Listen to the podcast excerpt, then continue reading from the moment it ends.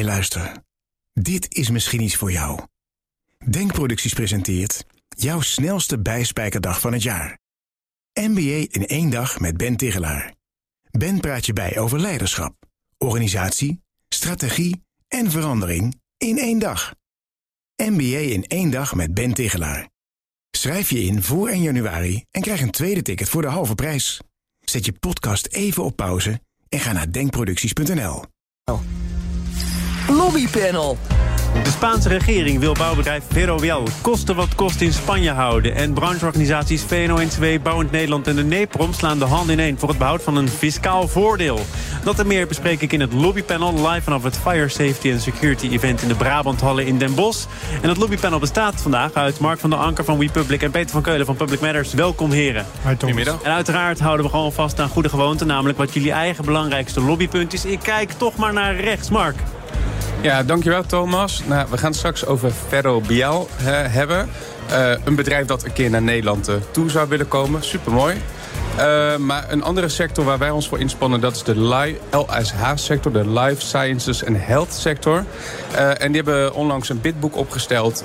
Om zich hard te maken voor de sector van de farmaceuten onder andere.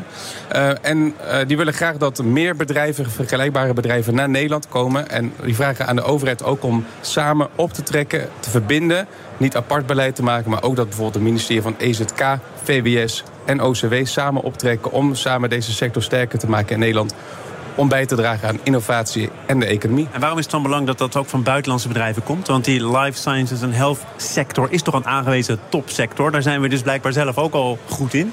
Ja, daar zijn we zeker goed in. Kijk maar naar de bedrijven, de Nederlandse bedrijven... maar ook de internationale bedrijven die we in Nederland hebben. Dat is een wereldwijde uh, keten. Nou, tijdens de coronatijd hebben we over geklaagd... dat in China en India allemaal medicijnen worden gemaakt... die dan niet zo makkelijk meer in Europa te verkrijgen zijn. Uh, en daarom is het van belang om dat ook in Nederland te hebben. Um, en dat levert ook banen op en uh, zorgt ervoor dat... dat wij verder komen. En dat zijn dus niet alleen maar Nederlandse bedrijven. Ondertussen ging er nog een pillenfabriek failliet, hè? Uh, ja, dat, dat, klopt. Nou, volgens mij is weer een doorstart gemaakt, geloof ja, ik, toch? die doorstart is er ja. ook geweest. Maar ja. met veel, veel kritiek natuurlijk. Hè, dat er enerzijds werd gezegd... we moeten zorgen dat we niet afhankelijk worden. En anderzijds zie je dus onder je ogen... een fabriek failliet gaan en met pijn en moeite een doorstart realiseren. Ja, en dit is dus precies waar het dilemma zit. Een goed voorbeeld van waar het dilemma zit. Aan de ene kant heb je beleid van het ministerie van EZK... met allemaal goede ambities. Maar ook het beleid van het ministerie van VWS... die niet altijd stroken met de ambities van, van, e, van het ministerie van EZK... Economische Zaken. En, en OCW bungelt daar soms ook nog eens een beetje achteraan. We gaan naar uh, Peter. Uh, jij hebt denk ik met interesse gekeken naar het debat na de verkiezingsuitslag van afgelopen week. Het zou bijzonder zijn als je daar niet naar hebt gekeken en niet met veel interesse. En dat verklaart ook mijn lobbyagenda, denk ik. Want dat was wat je. Ja, precies. Dat zat er een beetje achter. Ja, het coalitieakkoord. Dat uh, houdt mij bezig, zoals veel lobbyisten momenteel. En dan bedoel ik niet het nieuwe coalitieakkoord van het nieuwe kabinet uh, Frans uh, Timmermans 1. Maar dan bedoel ik het coalitieakkoord van Rutte 4. Dat gaat heronderhandeld worden. En dat zijn kansen en bedreigingen. Wat gaat er anders dan over stikstof 2035 of 30? Wat komt er op tafel in die heronderhandeling? Wanneer begint het? Uh, en uh, ja, waar gaan we naartoe met het land als er een nieuw coalitieakkoord zou komen? Ja, als het zou komen. Ik heb dat debat uiteraard ook gevolgd. Niet de hele rit met evenveel interesse, moet ik zeggen. Want het duurde wel heel lang. En wat mij opviel was dat het heel snel werd vernauwd tot toch vooral stikstof. Terwijl als jij zegt dat het hele akkoord wordt opengebroken... er zijn natuurlijk nog heel veel andere thema's waar jij als lobbyist misschien met net zoveel interesse naar kijkt... maar die niet of nauwelijks besproken zijn. Nou, onderhandelen en lobbyen liggen heel dicht bij elkaar. En hier zijn de onderhandelingen geopend door het CDA. Die zeggen, we moeten naar het jaartal kijken. Ja, geven en nemen. Hè. Dan zijn de andere partijen die zeggen, maar daar wil ik wel iets voor terug. En zo gaat iedereen weer langs die lijst... van wat er nu in dat redelijk dikke coalitieakkoord staat. En kijk, waar kunnen wij nog een beetje meer... en waar wil de ander nog een beetje minder... Uh, en dat zal vooral een focus zijn op waar kunnen we meer geld gaan binnenhalen of bezuinigen. Ja, maar en waar ligt jouw specifieke belangstelling? Nou, in de breedte. Dus we kijken heel kritisch naar het hele coalitieakkoord. En kijken daar ook al een beetje een scheef oog naar. Stel dat er een, uh, toch verkiezingen zouden oh, aankomen. Toch Frans Timmermans 1. Toch Frans Timmermans 1. Hij was al een beetje aan het oefenen gisteren. Merkte hij in zijn positionering en hoe hij het zei en wat hij zei.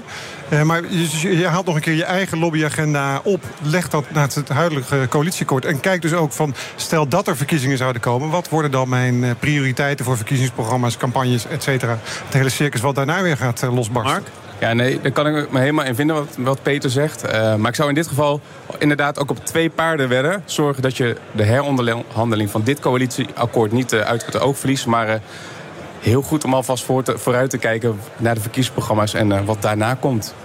We gaan toch nog even naar de fiscale details eh, die dit eh, kabinet wil doorvoeren. Eh, namelijk het afschaffen van het fiscale voordeel voor kopers en verkopers van nieuw vastgoed. Dat zal bouwprojecten vertragen. Daarvoor waarschuwen werkgevers, bouwers en projectontwikkelaars. En het gaat dan om de zogeheten vastgoedaandelentransactie. FD-journalist Laurens Berendsen legde eerder deze week aan mijn collega Bas van Werven uit welke regeling er nu precies op de tocht staat. de projectontwikkelaars verkopen dan zo'n zo'n project aan beleggers die het gaan verhuren. Mhm. En dan is over die verkoop is geen BTW verschuldigd. Oké. Als zo'n nieuwbouwproject is ondergebracht in een BV, want dan worden niet de stenen, dus niet het uh, vastgoed aan mhm. zich, zeg maar, verkocht. Maar het bedrijf. Maar dan worden de, aande de aandelen worden verkocht in, in, die BV. En over aandelen is dan geen BTW verschuldigd. Mhm. En dan wordt er dus gesproken, Mark, over woorden doen ertoe, ook denk ik in een lobby, een BTW-lek. En als je dat zo leest als uh, buitenstaander, denk je, een lek, dat moet worden gedicht. En daar is het kabinet nu mee bezig.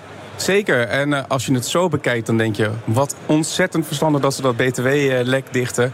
Maar de weerstand vanuit de sector komt niet voor niks. Zo niet alleen de vastgoedsector klaagt... Uh, die niet de, een al te beste reputatie hebben...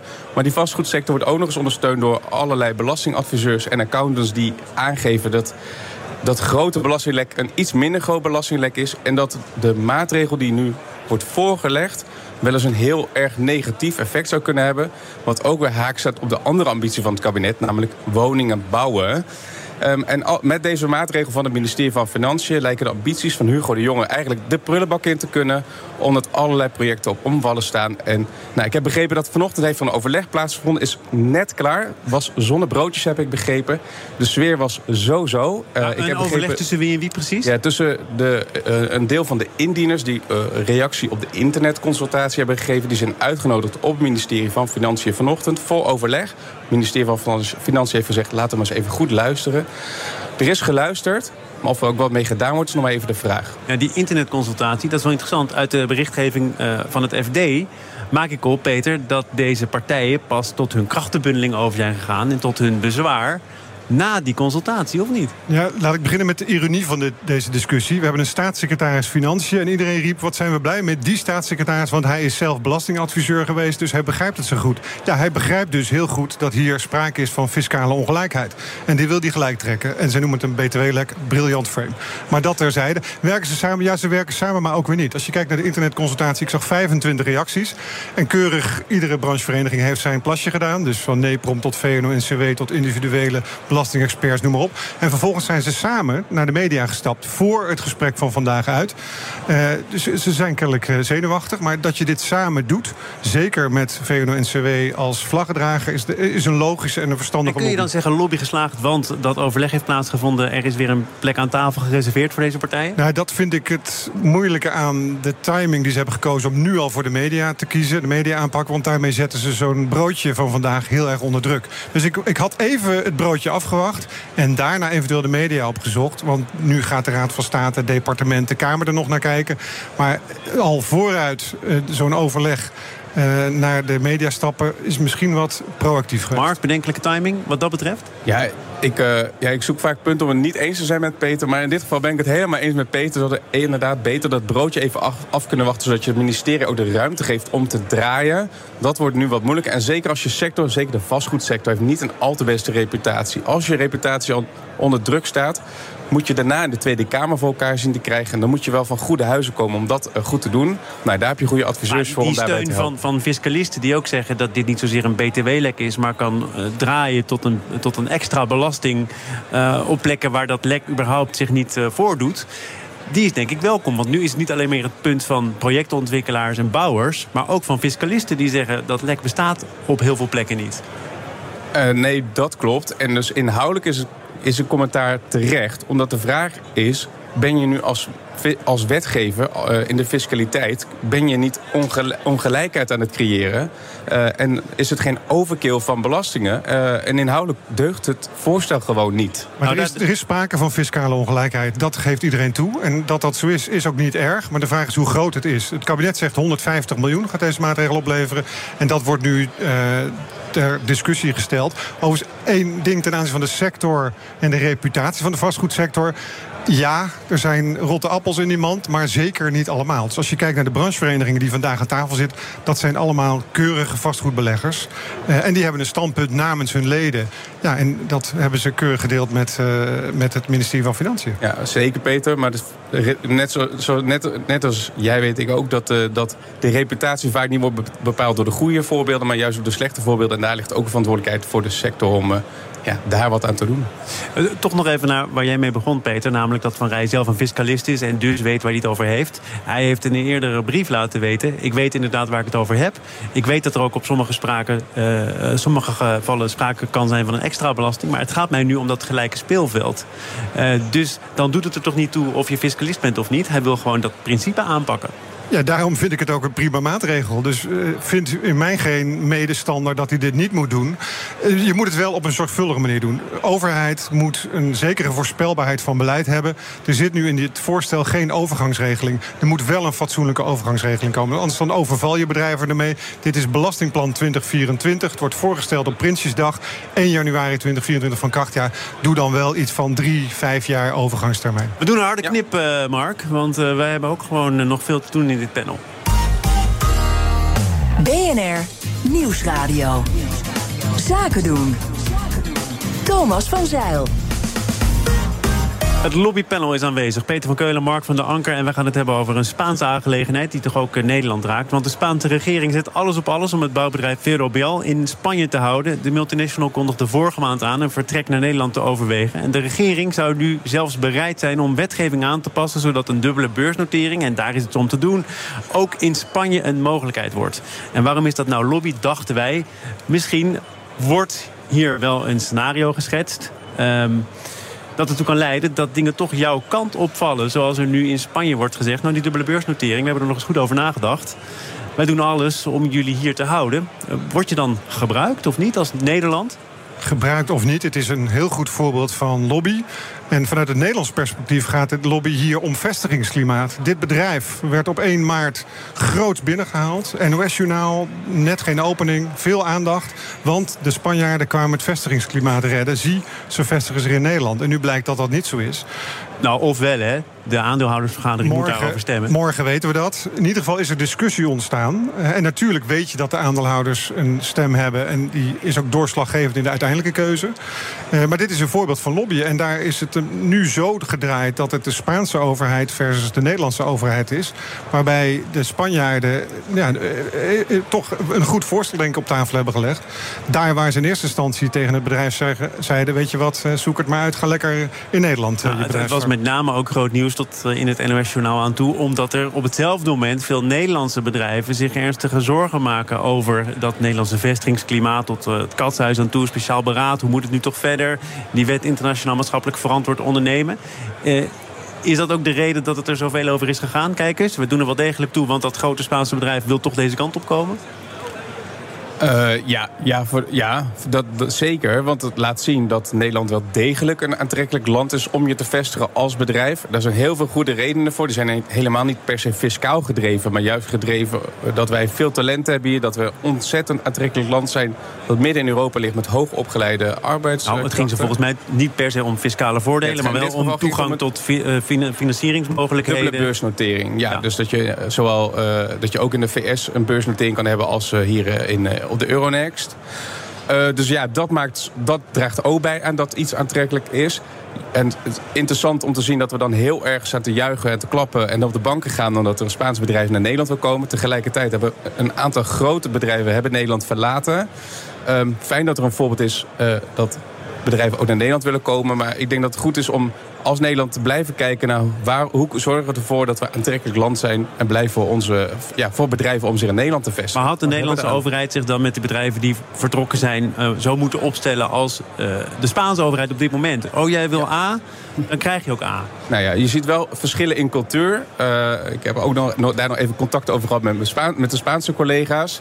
En je ziet gewoon dat de reactie in Spanje was hetzelfde. In de basis het dreigement wordt niet als het, meest prettige lobbymiddel ervaren. Maar in Spanje is er wel een ommekeer gekomen. En heeft de politiek en de regering hebben wel gekeken... goh, wat kunnen we wel doen om dit bedrijf in, uh, ons land te houden. En in Nederland hebben we ook zo'n een paar keer dit soort discussies gehad. Ook onder andere de dividendbelasting. Um, en onze, onze traditie is ondertussen meer uh, bij een dreigement als bedrijven zeggen... Uh, dan gaan we, dan zwaaien we ze ook enthousiast uit... Um, en uh, ik denk dat we daar met elkaar op moeten letten dat één, je laat je niet. Het dreigement is niet de beste lobbymethode. Ik vind ook dat je daar als politiek en als regering terughoudend in moet zijn. Uh, maar luister wel naar elkaar en kijk wel hoe kun je met elkaar de economie en de samenleving in beweging houden. Peter? Ja, wat mij opvalt is dat het vrij stil is vanuit het ministerie van Economische Zaken. De NFIA, de Netherlands Foreign Investment Agency, is hierbij betrokken en allerlei andere organisaties. Ja, daar, daar lijkt een beetje of ze lobbyen met de handen op de rug. Al zeker natuurlijk als dit Spaanse bedrijf uiteindelijk niet komt. En er bezepert zeker omdat de minister zei... we hebben eindelijk weer een bedrijf naar Nederland gehaald. Kijk, andersom, laten we eerlijk zijn, was het ook Als er een Nederlands bedrijf had gezegd... we gaan naar Spanje toe, dan had Nederland precies hetzelfde gedaan. Maar misschien te vroeg juichen is ook niet uh, de juiste keuze. En misschien is dat in dit geval wel gebeurd. Tot slot, uh, per 1 oktober dit jaar zijn smaakjes in e-sigaretten verboden. De brancheorganisatie voor de onafhankelijke verkopers van elektronische sigaretten, de e-sigbond, is het daar niet mee eens. Er begint nu een bodemprocedure tegen de staat om het verbod van tafel te krijgen. Ik heb er speciaal nog twee minuten voor gereserveerd, Peter, omdat ik weet hoe laaiend enthousiast jij wordt over het juridische weg in een lobby. Ja, uh, Urgenda, Shell, we hebben Schiphol gehad of KLM tegen de staat. Dus lobbyen via de rechter gebeurt steeds meer. En nu is het voor een sector die via praten in Den Haag... of eigenlijk wereldwijd het heel moeilijk heeft. Dus alle deuren gaan dicht als je de sigarettenindustrie vertegenwoordigt. Dan is er nog maar één instrument mm, over en dat is uh, een rechtszaak. Ja, dus logisch dat ze ook die kant op gaan. Gedwongen omdat de andere deuren gesloten blijven. Ja, ik, ik wens ze veel succes. Uh, als ze een, een muizen, een gaatje ergens vinden in de wet... waardoor het toch een andere uh, afslag wordt... en de, de beschikbaarheid van die producten toch blijft... is het hartstikke mooi voor hun. Maar het blijft natuurlijk een achterhoedegevecht. dat is het ja. punt. Hè. Je, je kunt het juridisch nog motiveren. Zij zeggen zelf bijvoorbeeld... al die smaakjes blijven via de achterdeur in België, Frankrijk beschikbaar. Ja. Dus waarom zouden wij hier in Nederland dan zo hermetisch die deur sluiten? Uh, nou ja, omdat, omdat wij met z'n allen uh, naar een rookvrije generatie uh, toe willen. En Jij hebt wat ik geluisterd. Ja, ik heb goed geluisterd. Maar wat ik, waar ik heel erg hard om. Ja, ik vind de argumentatie ook niet zo sterk. Dus uh, zij verkopen zichzelf als het beste middel om te stoppen met roken. Volgens mij is het overstappen van een één, van een één rookmiddel naar een ander rookmiddel. En blijft het allebei slecht. En is het ook wel belangrijk dat practice what you preach. En we hoorden vanochtend op het, op het nieuws dat uh, minderjarigen gewoon vapers en e-sigaretten kunnen kopen. Um, terwijl ze zelf prediken dat dat niet het geval is. Ja, dan heeft het niet zoveel zin om naar de rechter te gaan of naar de politiek te gaan. als je niet eens je eigen beleid en bij je achterban in stand kunt houden. Dus dunne argumenten, slecht verhaal. Ja, succes bij de rechter. We gaan nog heel even naar de tegenlobby, want die is er ook, namelijk van de artsen. Dat klinkt zo. Jullie denken vast, wat doen die artsen op TikTok? Ja, toch? Daarom slaan we als artsen alarm. Omdat we willen voorkomen dat we jullie later in onze spreekkamers zien. Omdat je ernstig ziek bent geworden door het vape. We zijn hier niet om met ons vingertje te wijzen, maar om vanuit ons hart een simpele vraag te stellen aan alle creators. Help je de dodelijke tabaksindustrie stinkend rijk te worden aan verslaafde jongeren? Of help je mij ziekte en verslaving voorkomen? Is dit een betere lobby? Artsen duidelijk uit hun comfortzone op TikTok? Ja, en bekende artsen. Hè? Ik hoorde een stem voorbij komen die iedereen kent. Die van alweer? meneer Gommers, eh, neem ik zomaar aan. Ja, de eh, emotie in lobby is altijd goed. Heel erg op de man, op de influencer, denk ik, is heel goed. Het is een hele krachtige lobby. Het is ook wel een hele makkelijke lobby natuurlijk. Want wie rookt er nog tegenwoordig? Ik niet meer. En ik denk niemand aan deze tafel. Dus het is wel meevaren op de positieve krachten die er in de omgeving zijn. Maar het is goed gedaan, eh, denk ik. Goed gedaan, Mark. Zeker oneens met Peter. Nee, op dit punt uh, staan we volgens mij aan dezelfde kant. En uh, nee, de artsen uh, die hebben dit goed voor elkaar en, en terecht ook. Dus ik denk dat heel veel mensen dat vinden in de samenleving. Het zij gezegd in het lobbypanel. Mark van der Anker van Republic was hier, Peter van Keulen ook van Public Matters. Dank voor jullie komst naar Den Bosch. Dit panel is trouwens ook te beluisteren als podcast. Abonneer je dus vooral even via je favoriete kanaal of de BNR-app. Zometeen is de oud-staatssecretaris van Veiligheid en Justitie Fred Teven te gast namens de VEB. Live vanaf het Fire Safety and Security Event in de Brabanthallen hier dus in Den Bosch.